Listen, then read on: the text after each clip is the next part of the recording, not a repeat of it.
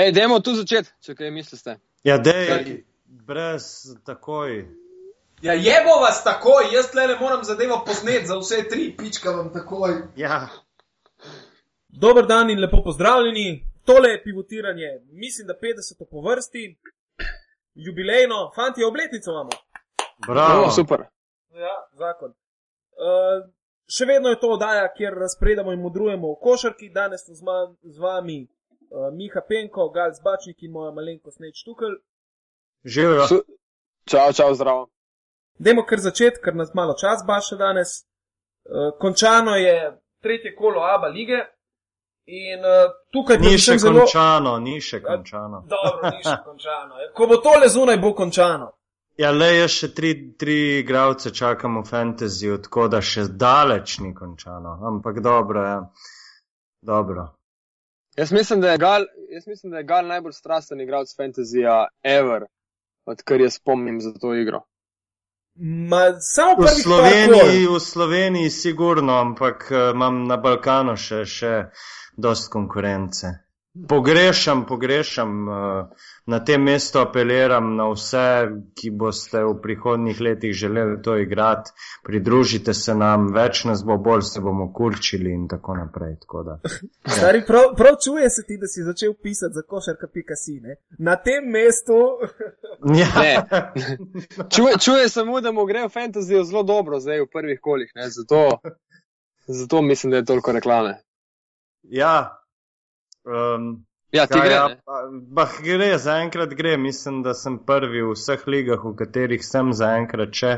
Upam, da bo šlo tudi tako do konca, ker bi rad kar celo sezono odfural od začetka do konca na prvem mestu. Ta bo težka, ne? ker če si v formi na začetku, se veš, kak je. Ja. Ja, jaz, glede na lanske izkušnje od Gala, se mi zdi, da ga bolj proti koncu ga kar malo zmanjka. Ne? Ko, ko lih jaz padem v formo, Ne, kot problem, lani, recimo, problem, je, zmagam, da, ne. problem je, da lani sem začel z novo ekipo po tretjem Dej, kolu, stari, sem lani si imel ti ne. toliko popustov, toliko popustov, še dovolili smo ti na novo sestaviti ekipo, ko si Ja. videl zadeve. Itak je- Eh, Rajši bodi tiho. Po rajši treh bodi- kolih sestavljati ekipo je tudi sam po sebi si že dosti dej.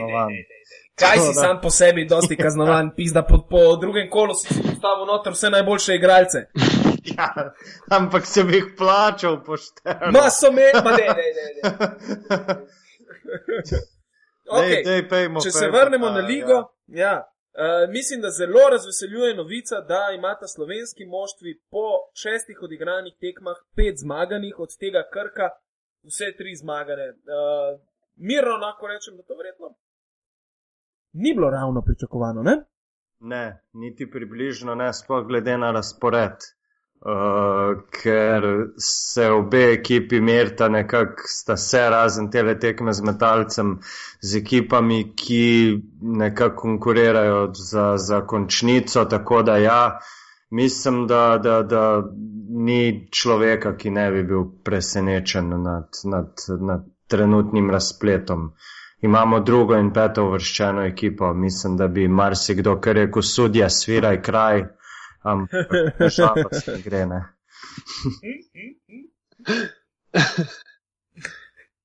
Ja, mene recimo tudi. Ok, Olimpija je v, v Beogradu izgubila proti Crveni zvezdi, kar v bistvu ni nobeno presenečenje. In uh, sam rezultat, če tako pogledaš, mislim, da ni slabo izgubiti za 8 točk. Ma Olimpija, eni zelo močni zvezdi. Ne? ja, Olimpija je v bistvu samo v tretji četrtini odigrala res zelo, zelo slabo. Mislim, da je bil delni zid 21-3, če se ne motim, uh, za Crveno zvezdo. Je pa to bila ena, ena zelo podobna tekma uh, zvezde s Cibone, s Cibono, s tem, da se je to dogajalo takrat v prvi četrtini proti Zagrebčanom. Olimpija je pač v, v zadnji potem še prišla zraven, ampak takrat moramo vedeti, da je Crvena zvezda vendarle igrala s košarkarji, ki navadno ne igrajo veliko, tisti, ki so tudi bili v zadnjem času malo poškodovani, je. Ja, ampak je Eh, bila vseeno v zadnji četrtini zvezda pre, precej nemočna, tudi z Bobanjem Marjanovičem, recimo v ekipi. Mislim, da so nekako izgubili uh, vse, vse niti svoje igre, pa po moje so se verjetno tudi preveč sprostili. Uh, Jaz tudi mislim, ja, da so prednosti. oni enostavno že razmišljali o tem, da je, da je tekma dobljena. Uh, ampak dobro, Olimpija je potem na, na Malna Galamo prišla na šest pik, mera trojko, med za tri točke uh, stranih Marinoviča, Uh -huh. ki ga je pa zgrešil na drugi strani, mislim, da je sedel Falkoš, ravno Bobija Marjanoviča in je potem zgodba šla pa svojo pot. Ampak ne glede na vse, je, je pač Olimpija odigrala eno zelo korektno tekmo. Uh, vemo, da je to bila tretja zapored v jadranskem tekmovanju, glede na to, da je prej že dve zmagi imela, ni čisto nič narobe za ta poraz na gostovanju proti Crveni zvezdi. Uh, hkrati pa seveda že ena napoved na evropske tekme, ki nas zdaj čakajo in Zvezdo in pa Olimpijo, kar pomeni, da obe ekipi prihajata v tale evropski ritem. Dveh tekem na teden in se bo zdaj šele uh, videlo, kako močna je klop, kako sposobni so ostali In- košarkari in, in- kaj lahko pač naredi. Ne? In oboji igrajo s turškimi ekipami, mislim, da ne zvezda z Galata Sarajem, Olimpija pa z Bešiktašem. Ja. Mm. Uh, ja, mislim da, mislim, da bo redko katera ekipa v pionirju proti Crveni zvezdi izgubila za 8 točk ali manj, tako da kar se rezultata tiče, je, je v bistvu kar odličen. Če bi pa odmislili tisto tretjo četrtino, bi bil pa že vrhunski. Tako da. Absolutno. S, Ja, tem, da, s tem, da je spet Olimpija pri prostih metih bila slaba, manj kot 60 odstotna. Uh, in da Ampak tudi trojke- najboljše letos, ne? Ja, to je ja pa res. še zmeri, ja. Skoraj Ampak še vedno- 59 odstotkov je kar. Ja, 10, 17, 5, Ja. ja. 7 točk, ne, glede na razliko na koncu. Pa še, če pogledamo, da so trojke bile, uh, mislim, da bodo celo najslabše letos, 14 Mhm. uh -huh. odstotkov. Uh, težko bo Olimpija slabše metala trojke kot 3-22. Uh, Ja. ja. Če tukaj malo seštejemo, malo zadeve postavimo, potem niti ni Si bila. pa pozabil mogoče še izjemen prepad v skoku 42 proti 25. Mislim, da je tukaj bila uh, tudi ja. Ja. eden od teh uh, glavnih razlogov. Za...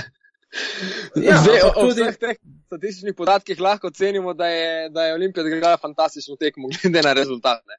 Ja, Ja, sigurno, v bistvu sigurno, res, sigurno. Uh, nič, dajmo se še malo ustaviti pri, pri, pri razen, če imate še tukaj kaj zapovedati. Uh, Ne, Mislim, smo- Krka je zelo sharala metalec. ne. Jaz bi se še prej ustavil pri, pri enem drugem derbiju, CD-vita Partizan, uh, v katerem je Partizan oziroma CD-vita znova nekako odprla in pokazala vse letošnje hibe, ki jih ni malo v ekipi Partizana. Mislim, da, da že dolgo, dolgo, dolgo časa, vsaj desetletje, niso imeli tako podhranjene, podhranjene ekipe z napadalnim potencialom. Kako se oni mučijo pri doseganju točk, to je nekaj neverjetnega. Sicer v pogledu na roster je to normalno, uh, ker Mhm. so glavni igravci, recimo Milenko Tepič, ki v 32 minutah trikrat pogleda proti košu in mogoče dvakrat vrže. Mm, Tukaj tudi te do Dobro, to, to je dvotretinski skupiček, ja. kaj bi rad. Tudi tud Teda Muriča so, so dokaj dobro ustavili eh, na tej tekmi, tako da ja, mislim, da jih čaka ogromno problemov. Je pa tudi Duško Vojoševič zdaj zopet, zopet se postavil mal nazaj in zdaj, in zdaj njegova retorika v stilu izgubili bomo naslednje, ne vem, dve tekmi je zdaj Anglije ravno danes povedal, tako da eh, se je tudi on nekako vrgel nazaj v tole apatičnost, eh, ki vlada v črno-belem pre, predelu Dvomim, Beograda. dvomim, da se je Ja. apatičnost. Zdaj, ko že omeniš Milenka Tepiča, on nikoli ni napadalno bil ravno briljanten ne, in nek hud strelec, ki bi dosegel dvomestne številke. Ja, ampak v 32 minutah, koliko jih mora odigrati, ker Ja, drugega sploh ne. ekipi, v sploh v ekipi, ja, bi si Ja. lahko vzel pa verjetno kakšno žogo več, no, oziroma bi si mogel vzeti ne na zadnji. Nasploh, ja, tudi tud, tud, uh, slišal tud- sem, da je, da je Duško Vojoševič o- po podatku, da prihaja NBA ekipa 2016 v Beograd, kategorično zanikal, ja, neču, da igram proti njih. Aha. Tako da marsikaj se bo dogajalo, mislim, da tudi pritiski prihajajo iz, iz Partizana, tako da ja, bo še kar pestro. Na Balkanu nič novega. Ja. No. ponovadi, ja. Ja. Zdaj pa lahko gremo tudi na Krko. Ja. Krka je razharala metaliko, ne? Ja, Uh, kot nekako je že bilo pričakovano, mm, Armstead je poharal kot ponovadi, se mi zdi. Uh, je pa tukaj uh, tale Vang, kako Vang mene.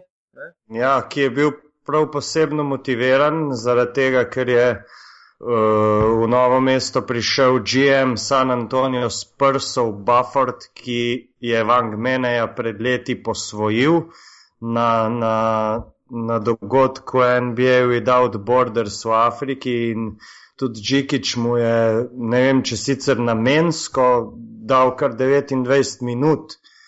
Največ v tej sezoni je igral in tudi izkoristil je ponujeno z desetimi skoki in petnajstimi točkami in tudi pri njem v njegovi sami igri je bilo videti precej več agresije.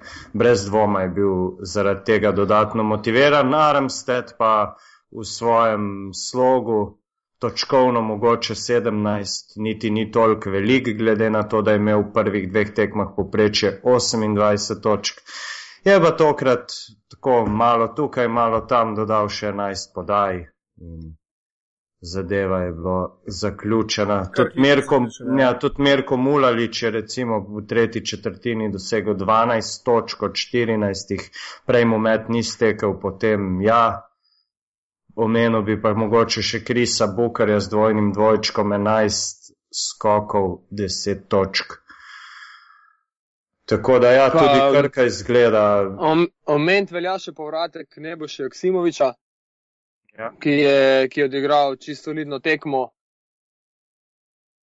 To je bila ena klasična tekma, ker lahko trener ob pravem pristopu da minutažo še ostalim košarkarjem, tistim, ki mogoče igrajo kakšno minuto sicer manj, eh, izkoristi in ker lahko predvsem napadalno vsak doseže neko lepo število košev. Videli smo tudi košarkarji, ki sicer res verjetno ne bodo kaj veliko igrali v Abba ligi, ko so kasneje vstopili v igro in dosegli tudi po dve, tri točke, Ritlop, Zatežič in tako dalje. In je to ena zares eh, lepa zgodba, če jo na tak način izkoristiš, kot jo je Džile izkoristil, eh, s tem, da se pač nabira neka napadalna, sigurno samozavest prav skozi, skozi tekme proti nasprotniku, ki ga načeloma lahko eh, premagaš brez večjih težav. Ja, metalac zaradi prenove svoje dvorane v prvih šestih kolih gostuje in mislim, da so v mislih že kar upisali šest porazov. Ja, precej grda zadeva, ja. Ja, A, zelo, zelo, glede na to, da potem prije šestimi porazi ali pa pač mogoče z eno zmago domov, to ne bo najlažje, nekega finančnega zaledja nimajo, da bi si lahko privoščili še kakšnega košarkarja. Mislim, da so oni tudi mogli plačati uh, vstopnico za jadransko tekmovanje in so tukaj zapravili. En, uh, En kup vode. ja, za, ki bi mogoče prišel prav pri kakšnem igralcu, ampak ok, to so za njihove zadeve. Uh, videli bomo, kako se bo vse skupaj odvijalo. Ne računam pa, da bodo oni uh, sploh premagali recimo kakšnega slovenskega predstavnika s takšnim pristopom, kot so ga naši imeli. Lik to, še zadnje vprašanje v, v ABA ligi, predno se lotimo naslednje teme, je, katero je bilo za vaju do zdaj nekako najbolj negativno mogoče presenečenje, ali je to bil Metalac, ali je Gokeja, ali celo uh, MZT Skopje Sagadinov, ki je v tem zadnjem kolu bil kar pošteno poharan strani uh, budučnosti. Ne? Ja, Mm. pošti, kar poje. Ja, jaz bi izbral sigurno Igokeo, eh, ki je sicer imela, imela kar velik smole, zdaj na zadnji tekmi proti Sonlokiju na gostovanju. Eh, Tisto trojko praktično v zadnji sekundi iz polovice terena je namreč Sonloki tekmo dobil, sicer bi mogoče zdaj Igokeja imela eno zmago, pa ne bi bilo vse skupaj tako grozno kot je, ampak definitivno sem od uh, ekipe Igokeje pričakoval več v, v letošnji sezoni. Je to tudi en standardni, praktično abaligaš, ki ima neke izkušnje, ki ima neko vlogo iz preteklosti in uh, mislim, da tudi ne spet tako slabe ekipe uh, za štart nič tri, je pa res, da je pač Olimpija lani tudi štartala nič šest, uh, tako da se te zadeve očitno dogajajo. Ja, Na drugi je, strani je pa Igokeja imela pred mesecem dni, mislim, da pet igralcev v ekipi. ja, Pa Še manj. jaz, jaz zdaj še ne bi, ne bi mogel nekako določiti eh, nekoga, ki je do zdaj najbolj raz, razočaral. Igokeja, ja, ampak ko pogledam na, na kader njihov, tole za kaj več, tudi ni mogoče na koncu zberejo nekaj zmag, tudi hitro zna, znajo menjati trenerja. Uh, tako da mislim, da bomo lahko o teh negativnih presenečenjih govorili malo kasneje. Je pa tale poraz zmaga Sagadina pri budučnosti me tudi ni presenetil, ker budučnost je začela končno, mislim, da po tisti prvi tekmi prvega kola igrati uh, košarko tako, kot se zagre, kot jo tak kader, ki ga imajo, tudi mora. In uh, taka, taka zadeva, kot jo je doživel MZT in uh, zmago Sagadin, zagotovo čaka še marsikoga. Samo menil bi, da je imela budučnost met iz igre, oziroma med za dve točki 75 odstoten in 31 podaj na tej tekmi. Tako da neka napadalna klinika je to bila. Superiornost napadalna, totalna, ja. Ja, in pod, če imaš ti na pleju Čapina in Kuka, je to precej, precej lažje in tudi ostalih, da spoh ne naštevam. Tako Ja, čeprav jaz ne bi jih polagal, ne vem koliko upam v Omarja Kuka, ker mislim, da je precej očitno, da je že zadnje dve, tri leta on na nekako koncu svoje karijere in se to ne da primerjati z Omarjem Kukom pred petimi, šestimi. Ja, še, še, mislim, da je bil še 3-4 leta nazaj prvi podajalec Eurolige, tako da čisto odpisal ga ne bi, ni več to tisti stari Omar Cook, ampak za tale nivo bi si še zmeri upal trditi, da je precej, precej visoko, recimo, če sam gledamo playmakerje.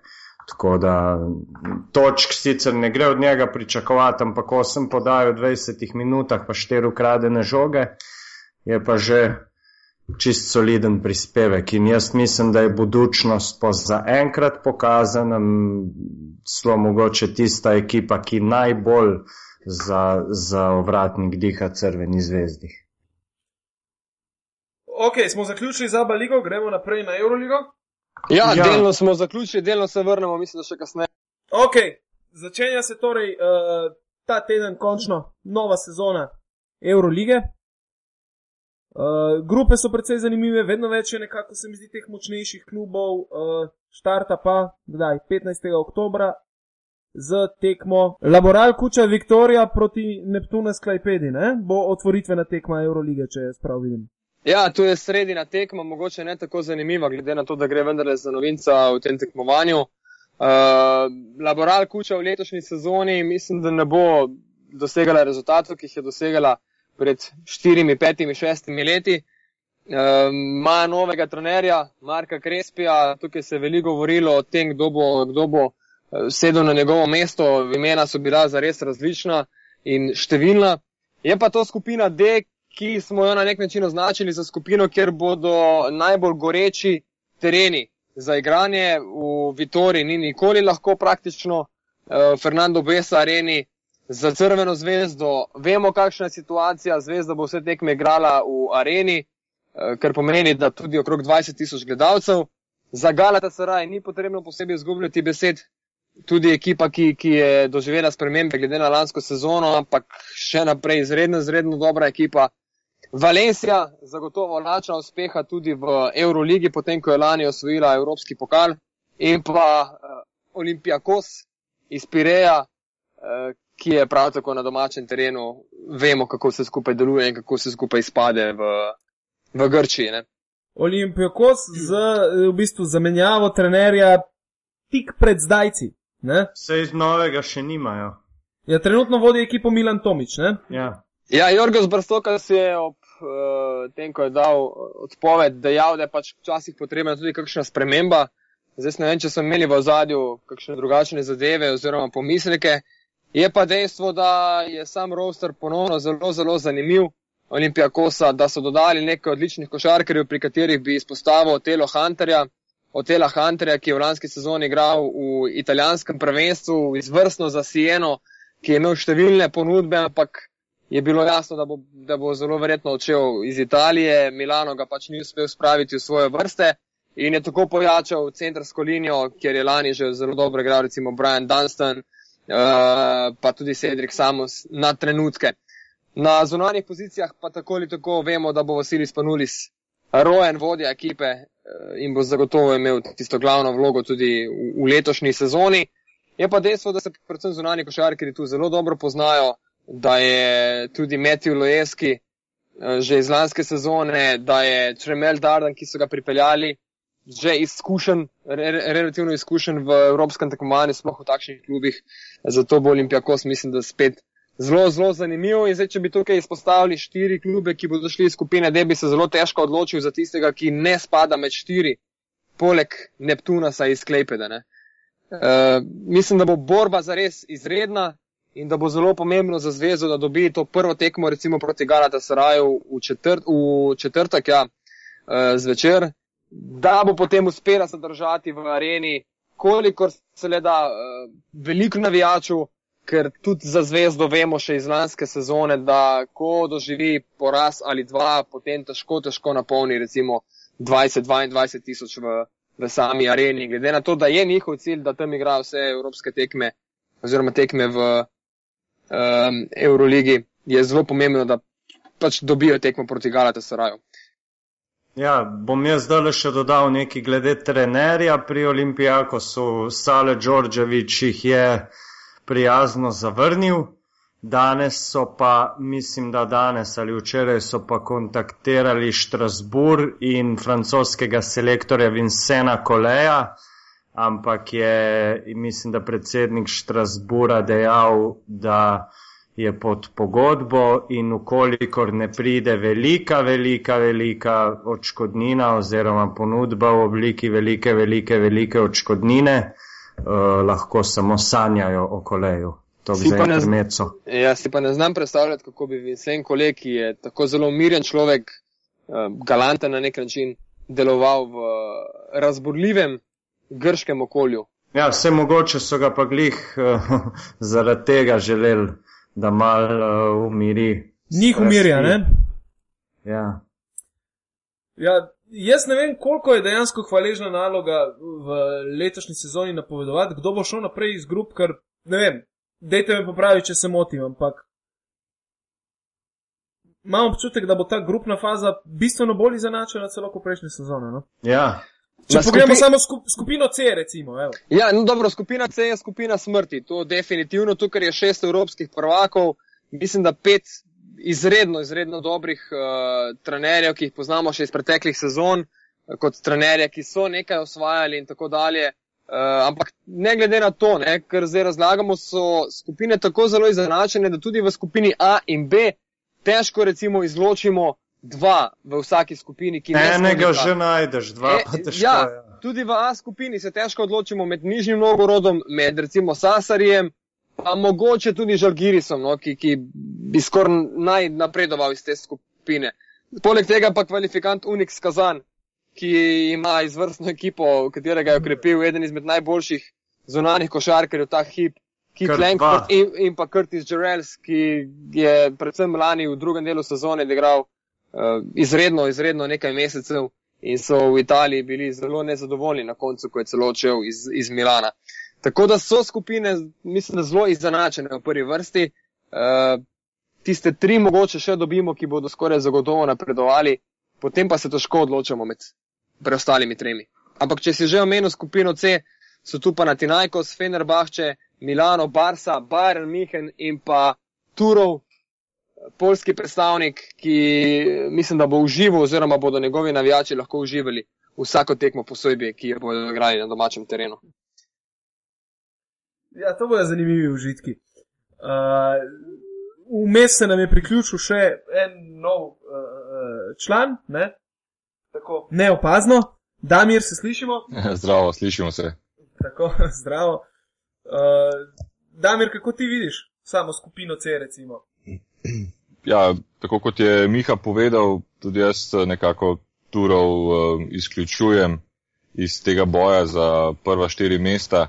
Uh, sem pa mogoče tukaj še eno stvar videl in sicer uh, Miha me bo popravil. Prejšnji teden je, bil, je, bil, je bilo finale italijanskega superpokala, ne?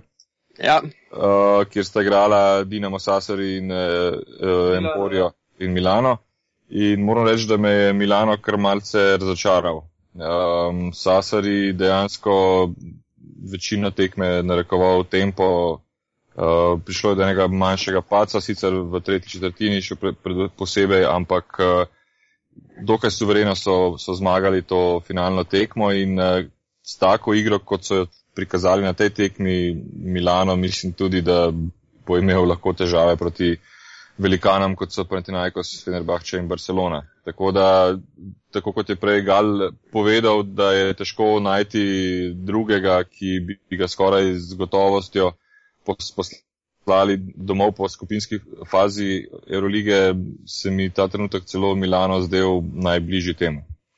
Uh, Milano, jaz mislim, da ne bo imel težave igrati tekem proti tistim nasprotnikom iz zgornjega dela Eurolige, ampak ravno proti tem, ker ker je v vlogi klasičnega in izrednega favorita, kot je recimo Turov. Ta tekma za me predstavlja uh, en vprašaj pri koščarkarjih Milana. Oni so v eni situaciji v italijanskem prvenstvu, da praktično že pred sezono vsi računajo na to, da bodo osvojili naslov državnega prvaka. Nimajo pravega nasprotnika, recimo v domačem prvenstvu, pa čeprav se jim potem po nesreči, tako kot se jim je lani že recimo na pokalnem turnirju na zaključku, ki so ga sami organizirali, pa so izpadli že v četrt finalu. Tekma s Sasarjem, mislim, da še ni pravi pokazatelj iz tega stališča, da za Milano nista igrala zelo pomemben obrambni košarkar, predvsem zelo izkušen v Euroligi David Moss, ki se zdaj vrača, in pa košarkar, ki je okrepil centrsko linijo. Sean James, eh, nekoč je igral za Maccabi. Bil... Ki se tudi vrača po zelo težki po... v bistvu poškodbi, ne? on je imel ja, operacijo hrbta. Pri njemu smo zagotovo še malce eh, recimo, pod vprašanjem oziroma v dvomih, kako bo letos igral, ampak Samardom Samuelsom, s Haketom in z dobrim Klejzo, kot je že bil na, na tekmi proti Saserju, mislim, da bo Milano ponovno lahko igral. Je pa res, da so pač doživeli uh, zelo pomembno spremembo na organizatorskem mestu, ker je zdaj tudi košarkar, ki že ima evropske izkušnje, Joe Rogland. Uh, tako da jaz ne bi Milana tukaj izključil, oziroma jaz bi kar računal, čeprav je pač jasno, da sem malce bolj simpatizer, recimo italijanske košarke, bi kar računal, da bo Milano iz te skupine nekako uspel priti, eh, priti naprej. No, vendar se strinjaš z mano, da si tako igro, kot je bila proti Sasarju, pa ne. ne? Ja, kot pravim, Sa, mogoče... Sasarjih je dejansko. Eh, če pogledamo recimo po imenih in po nekih statističnih podatkih igralcev, ki jih ima Sasari, um, bi moral Milano to tekmo dobiti, ne glede na vse, vendar eh, se pa strinjam s tabo absolutno, Miha, v tem pogledu, da recimo tudi pridobitev Maršona Brooksa, ki ga jaz odlično poznam iz ja, NBA-ja, ja. je zadeva, ki bo terjala svoj čas najprej. Ker Maršon Brooks je v bistvu sedaj prvič v vlogi um, človeka, ki bo dejansko na tekmo porabil največ žog, Uh, kljub temu, da se mogoče Linus Klejza s tem ne bo strinjal, takoj, ne. ampak dejansko to je njegova igra. Ne. On je shooting guard in uh, po, po eni zelo, zelo dobri sezoni, ki je imel v NBA-ju, nekako se kasneje ni znašel v, v, bom rekel, kar pravilnih rotacijah, da bi ta svoj napadalni talent uh, izkoristil. No, tukaj v Milanu mu sigurno mu bojo omogočili, da, da pride do tega izkoriščanja svojega potencijala. Uh, je pa se mi zdi ravno tu odlična stvar za Milano, po drugi strani pa ima ta, ima ta medalja dve plati, ker če Maršon Brooks ne bo funkcioniral v, v rednem delu v sezoni, bojo imeli pa velike težave, ker je porabnik žog in vse vemo, kako je. Ti tam, ker ti glavni porabnik žog ne funkcionira, v bistvu gre ekipa navzdol. Ne? Tako da jaz sem v bistvu samo v tem pogledu govoril s tako igro, kot je bila proti Sasarju, kjer so jih in prešprintali in preskakali in uh, predvsem so bili bolj borbeni od njih, na, na lahko nikakor ne bo šlo s to ekipo. Kljub temu je pa dejstvo to, kar je tudi Mika povedal, da ekipa po samih imenih ne bi smela biti težav, mora biti pa odnos pravi. Recimo že pri Lina Soklezi, ki sem ga prej omenil, je včasih, kar se mene osebno tiče, odnos zelo vprašljiv na samih tekmah. Ja, Klejza je svoje vrsten flagmatik, no. ampak da ne da ne posvetimo vsega časa Emporijo Armani, da ne delamo prevelike krivice še drugim ekipam, marsikateri bomo naredili, uh, eni pa ne smemo. To je lanski prvak, Makabi Elektra iz Tel Aviva. Uh, Gal, me zanima, kako ti vidiš zdaj v letošnji sezoni Makabi, ki je doživel en močen remont. Ma, Z odhodom mislim, trenerja in ekipe. mislim, da bom govoril isto, kot smo govorili recimo za, za Olimpijakos, ko je prvič osvojil. Jaz jim kakšnih večjih šans eh, ne bom pripisal, sploh ne. Mislim, da bi že, že v teli skupini dobro. CSK bo verjetno prevelik zalogaj, ampak odhod Davida Blata, David Blat je bil srce, duša, vse štiri vogale te ekipe praktično podpiral on in z njegovim odhodom mislim, da, da bo kdorkoli bi prišel, ne bi mogel iz te ekipe stisniti toliko, kot je on. Uh, in mislim, da, da, da, da se bo njihova pot kar končala pred resnimi boji za, za uvrstitev na Final Four. Tako da jim ne prepisujem velikih možnosti. Ok. Nasploh, ja, kar povej. Ne, do tam, recimo do Final Fora je še daleč. Bomo videli, kaj jim bo sezona prenesla. Ne? Ampak Mislim, ja, za- za nek štart. Ja, Guy za- Woods je bil zadnjih par let pomočnik Davida Blata. ne? Ja. Se pravi, vsaj kolikor toliko je približno nek sistem postavljen. Dvomim, da se bo zdaj sam odločil izumljati na novo toplo vodo, ampak bo poskušal delovati iz scheme Ja, Davida ampak jaz Blata. ne? mislim, da David Blat je to karizmatičen in da je on več, večino tega, uh, ko je dvignil svojo ekipo, ko je praktično prišel na Final Four kot outsider, čeprav na Final Fouru nihče ni outsider, uh, je svojo mimiko, svojo, svojim, ne vem, on je, on je res izjemen retorik, izjemen motivator. In tega tega tudi, če si pomočnik trenerju, ne vem koliko časa, težko, se težko tega navadiš. Tako da mislim, da jim bo predvsem to, uh, tukaj bodo pogrešali tega, tega liderja v obliki Davida Bleta, bo pa sigurno ekipa gojila isto košarko kot prej. Uh, pet američanov, Alex Marič in pet izraelcev, nekako preverjen recept uh, hitra košarka s pritiskom na branilskih položajih.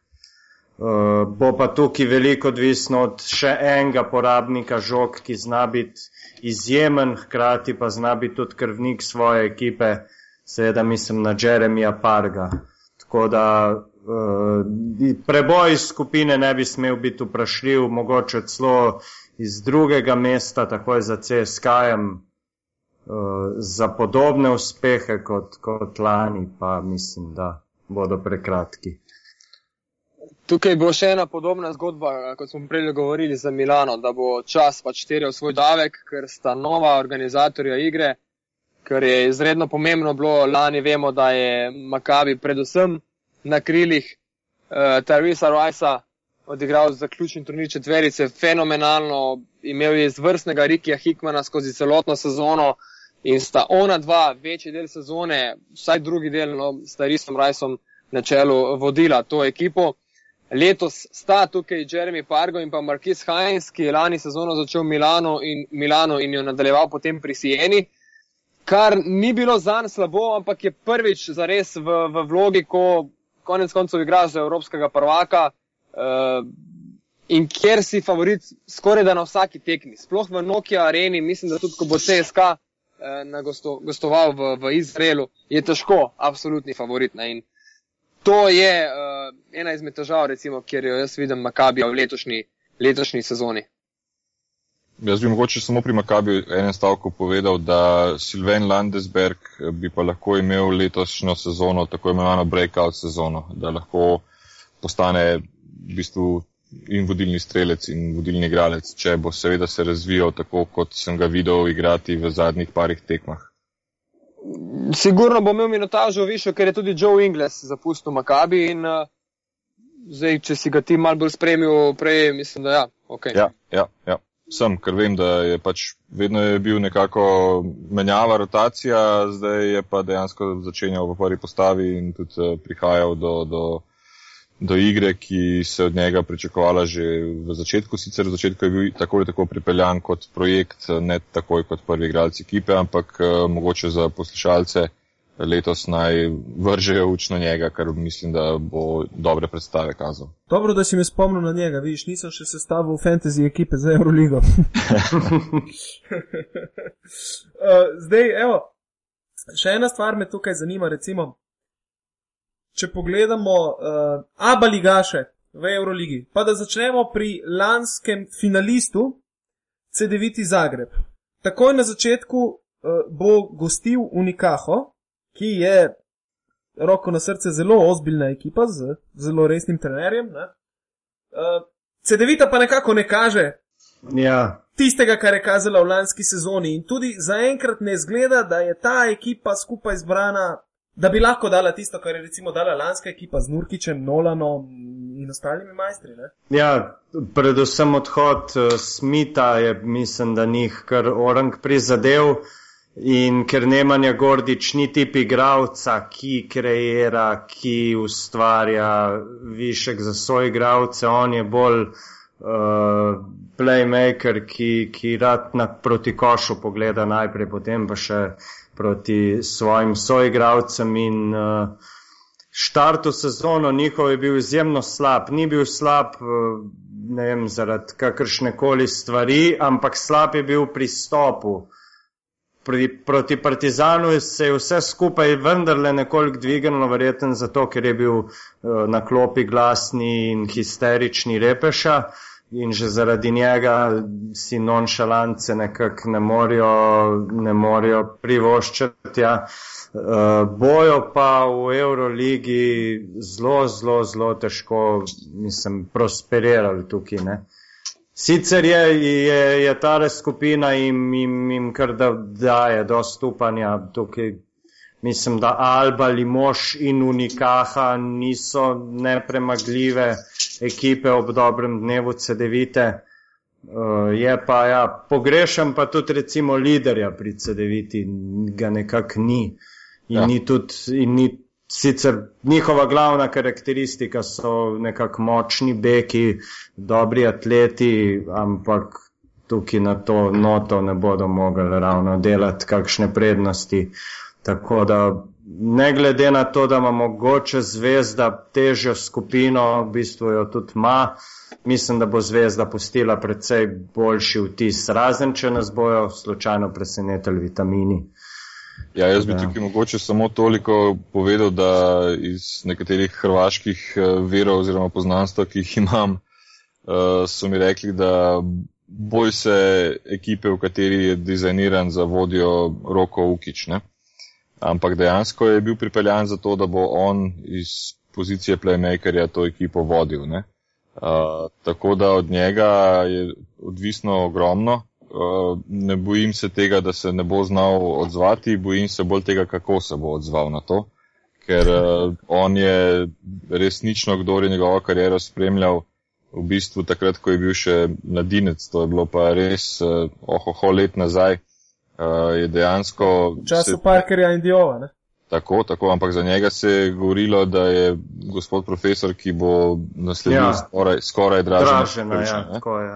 Uh, na koncu pa mečkano njegovega pač dalmatinske, dal, mečkano njegove dalmatinske men- mentalitete in eh, nekaj hitenja v NBA, recimo, sta mu kariero dejansko uh, upočasnila in sedaj pa mislim, da več ali manj igra samo še za, za, za ček. Ne?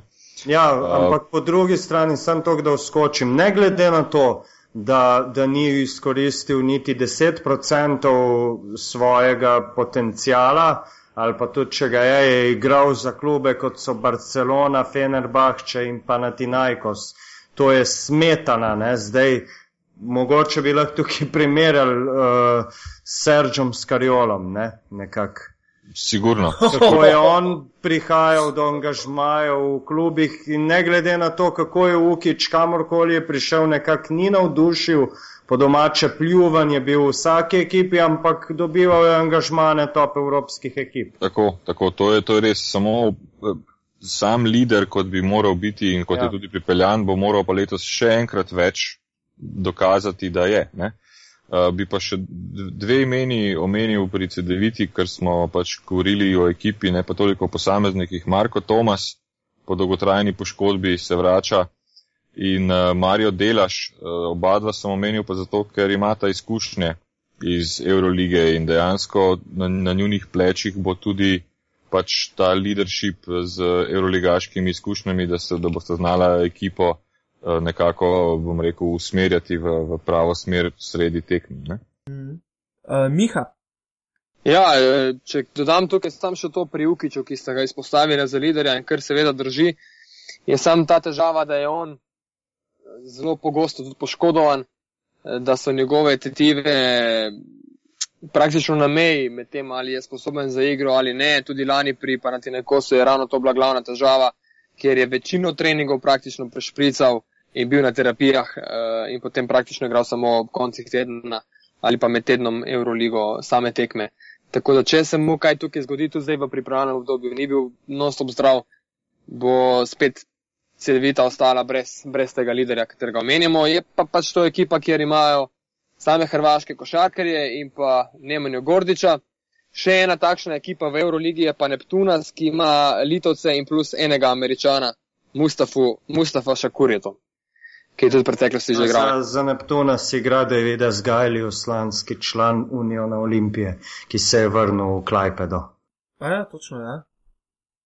Ja, zgolj, zgolj, zgolj zaradi Eurolige, seveda. Uh, Miha, za konec, da mi povedati, katera izmed ekip, eno ali pa dve, bi mogoče izpostavil, če, če ti malo sugeriram, Turkov nismo nič omenjali.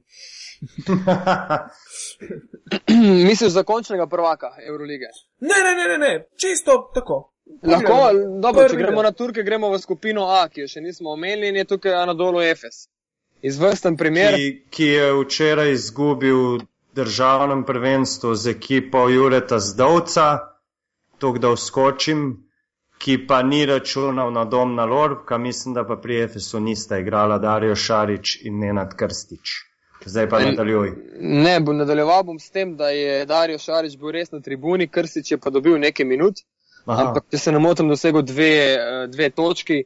Uh, nočemo delati zdaj tukaj krivice, pa se bom raje probil pozanimati iz uh, direktnih virov, ampak sem dobil občutek, da je fizično malce ojačal svoje telo. Uh, za Krstiča govorim. Bom, bom pa. Sem že mislil, da za Ivkoviča. Ne, bom pa za naslednje, do naslednjega pivotiranja to preveril, če, če to drži. Je pa FS ponovno ne, nek remont doživel uh, s trenerjem na čelu, Duškom Dudo Jukovičem. Večinoma pogodb so podpisali za dve sezoni, se pravi do konca 2016. To so bolj kot ne bogate pogodbe. Edina spet težava smo na playmakerju. In zdaj jaz ne vem, če bi naredili en prerez oziroma potegnili črto, ali v Evropi zdaj ta moment ni res tistih pravih playmakerjev, ki bi bili tudi hkrati lideri, tako kot so nekoč bili, Šarunas Jasikevičius in podobni, ker uh, z Dontem Draperjem, kot prvim organizatorjem Pa, pa, igre, pa, ki ima minutažo 30 minut, jaz dvomim, da lahko prideš res zelo, zelo daleč. Pa čeprav imaš recimo trikratnega evropskega prvaka Perpero Gluja, Šariča, Krstiča, Lasmeja, ki je včeraj odigral celo najboljšo tekmo za moje pojme v drefu- v dresu FSA, streljca Jenninga in tako dalje, ampak uh, da Turko ne omenjam niti tukaj zraven, ker niso ravno Na nivoju. na nivoju oziroma neka perla grozna in so bolj kot ne tam samo za, za turško prvenstvo. Dvomim, da bo to eh, z Dontejem Draperjem šlo, šlo ravno za, za tiste najboljše pozicije, iz tega razloga, ker je enostavno premalo prodoren eh, in mislim, da se obramba zelo, zelo hitro lahko prilagodi na njegovo igro. Bobby Dixon je recimo igral kasneje tekmo za Pinar Kršjako, eh, tekma se je igrala malce kasneje, ravno tako včeraj in je bistveno bolj recimo igral produ, v Jaz- prodore eh, na obračunu proti Baliku. meni je, meni jaz sem bil začuden, da je ostal v, v Pinarju, glede na to, da so ga želani omenjali Snubili, in ja. kot potencijalno krepitev za Fenerbahče in mislim, da tudi za Efes. Tako da me pa čudi tudi mene, da, da Efes ni na playmakerju pripeljal praktično nobene dodatne, dodane vrednosti. No. So se pa odpovedali plani niču, ne? Tukaj bi mogoče opozoril še na eno zadevo. Um, taki klubi kot je EFES in seveda najmočnejši, finančno najmočnejši klubi v Euroligi imajo tudi milijon nekih možnosti, kako se prilagodijo trenutni situaciji, se pravi, bodi si neki niz porazov in tako naprej in potem uspejo še koga dodati. Uh, to, to, sem, to se mi je zdelo pomembno povedati, eh, da, da, da oni kako začnejo in kako se potem odvija stvar, se potem tudi dogovorijo in za prekinitve pogodb in pripeljajo tudi nove igralce. Ne? Ja, sem tu potem spet tisti mlin, dobro znani, turški, ki, ki lahko potem še enkrat kar začneš priprave. Ja. Mislim, da če se to zgodi, da potem pač lahko nehajo sanjati o Final Fouru. Ne, ja, jaz mislim, da bo letos le nekoliko drugače. Garancija za to, kljub temu, kljub vsem težavam, ki ste našteli, no, pa ne govorim zdaj o prvaku ali pa o Final Fouru, govorim samo o neki sezoni, ki bi znala imeti rep in glavo, je uh, Duda Jukovič. Ja. Jaz bi mogoče pri Efesu, uh, naj ti si prej omenjal, ko sem ti dal Landesberga, uh, za fantasy. Um, ta dva igralca, ki bom zdaj povedal, mogoče ne bosta veliko igrala, pa ne bosta za fantasy primerna, ampak uh, bodočnost uh, košarke evropske, ne, ne samo turške, zapomnite si igralca Osman, Čedija Osmana in pa Furkan Korkmas. Ja. Ta dva fanta bosta še razbijala sceno, ko bosta prišla do svojih minut, ker sta resnično talentirana. Osman eh, je 204, visok, 204 cm visok, eh, visoko krilo, ki ima pa pogum dejansko na nivoju Eurolige in celo NBA-ja. Medtem ko Korkmaz ima pa, je pa 1,97 m visok, visok bek, eh, ki pa tudi nima nobenih, nobenega respekta pred nikomer in tudi mogoče, ker smo že ravno pri turškem klubu, to se upada z njihovimi nedavnimi uspehi v vseh eh, mladinskih ja. kategorijah. Ja. Jaz sem že toliko star, da se vnaprej prevečujem, ne vem več, kaj pomeni, kje je zdaj U17, pa U18, pa U19, pa ne vem kaj, to so vse mladinci za mene. Uh, in Turčija ima pred seboj uh, zelo, zelo um, uspešno prihodnost, če se bo te fantje če se bo te fanti razvijali, razvijal jih bo pa dejansko Duda Jukovič. Ne? To imaš pa sem prav, CD8 je bil tudi letos na zadnjem prvenstvu, ja. MVP prvenstva, lani je bil to recimo playmaker Fener Bahčaja, Kenan uh, Sipahi. Uh, tako da sta ta dva košarkarja res. Uh, to, kar je zanimivo, je to, da, da sta dobila recimo v turškem prvenstvu, ravno zdaj za vikend, tudi zelo, zelo lepo minutažo oba dva, uh, sploh Osman in kogar se reko brez respekta praktično gre v prodor, se ne boji zgrešiti, se ne boji napraviti napake, izgubiti žoge.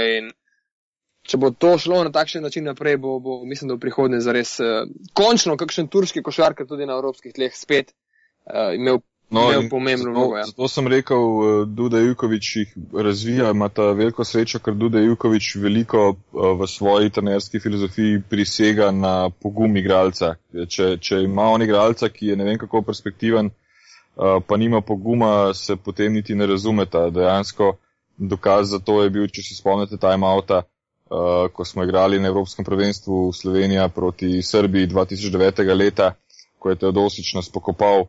Ampak eh, en detalj je bil v timeoutu takrat, ko je bila tekma napeta in je potem v timeoutu Duda Jukovič rekel svojim fantom in takrat gledal na Teodosiča, ako si sam na 8 metara šutiraj loptu, tako se postaje igrač. Ne? Kar recimo resnično danes ni odlika vseh igralcev, ko gledaš uh, tako kot pri nogometu, včasih misliš, da bi vsi radi dali z dveh metrov gol, treba je pri košaki zato se dela, da si sam, da je en igralec sam in da lahko vrže ali gre v odprti prodor. In pri Dudi Jukoviču bo se ta dva igralca, ki sem jih omenil, dejansko napredovala. To se strinjam. Evo, zdaj, nažalost je zadeva taka, da nas čas baše, in ne glede na to, koliko imamo odprtih tem še za danes, se bomo morali posloviti. Ma, glede na pauzo so lahko poslušalci zadovoljni, da smo se sploh zbrali. Sem bil toliko časa tiho, da moram malo usta razmigati. ker, ker, evo, lahko narediš od javno špico, ker imaš to rad, povej, kje se nas najde. No, no, lahko, no. lahko pa potem še povabiš uh, vse poslušalce na, na tekmo Olimpije in, in Partizana ki bo v nedeljo, ne v, v Stosah. Ja, zdaj, zdaj, zdaj ti pa predajamo besedo. Ja. Bom potem kar najprej tole v nedeljo ob 17. v Ljubljano prihaja ranjeni lev Mislim, da mu že kar kakšne dve nogi manjkata, ne Damir? Pa manjka njemu ne noga, manjka temu levo glava, to je težava. No, pa glava, ja. Partizan, uh, Jaz sem mislil, Olimpija. da sem denarnica. Ja, Ja, ampak to, to, veš kaj, denarnica, to je tako, kot denarnica, če jo daš ženi, ki preveč zapravlja, ne? Ja, ja, okay. Tako da glava, glava. Glava, če je glava na mestu, pa se tudi denarnica poštima. v glavnem Olimpija ima izjemno priložnost, da doma Partizan premaga. Mislim, da je eno boljših v zadnjih letih. Uh, pa da ne bom tudi krke zapostavljal, dan prej novomeščani gostujejo v Laktaših pri Gokeji, kjer bodo tudi sigurno v igri za zmago, tako da si lahko obetamo nov uspešen vikend slovenskih uh, klubov ABA ligi. Uh, Tako ja, pivotiranje je del mreže aparatusa, aparatus.si, to že vsi veste. Najde se nas tudi na Twitterju in Facebooku, tako aparatus kot posebej pivotiranje. Uh, celo zadevo lahko tudi podprete. Uh, tega ste se že tok naposlušali, da vam je že vse jasno. Tako da v bistvu sem mislim, da povedal vse. Ja, pa na, na Twitterju te najdejo pod zbale. Ja, mene najdete na Twitterju pod uh, zbale z dvema L, moje umetnine in v, bodo, v bližnji prihodnosti tudi umetnine gospoda Radženoviča, pa na košarka.si. S tem sem pa jaz zdaj, mislim, da kar dosti že povedal. Pa mislim, da smo vsi zdaj dosti povedali, tako da lahko še en gasilski čau rečemo in to je to. Ja, naslišanje do prihodnič.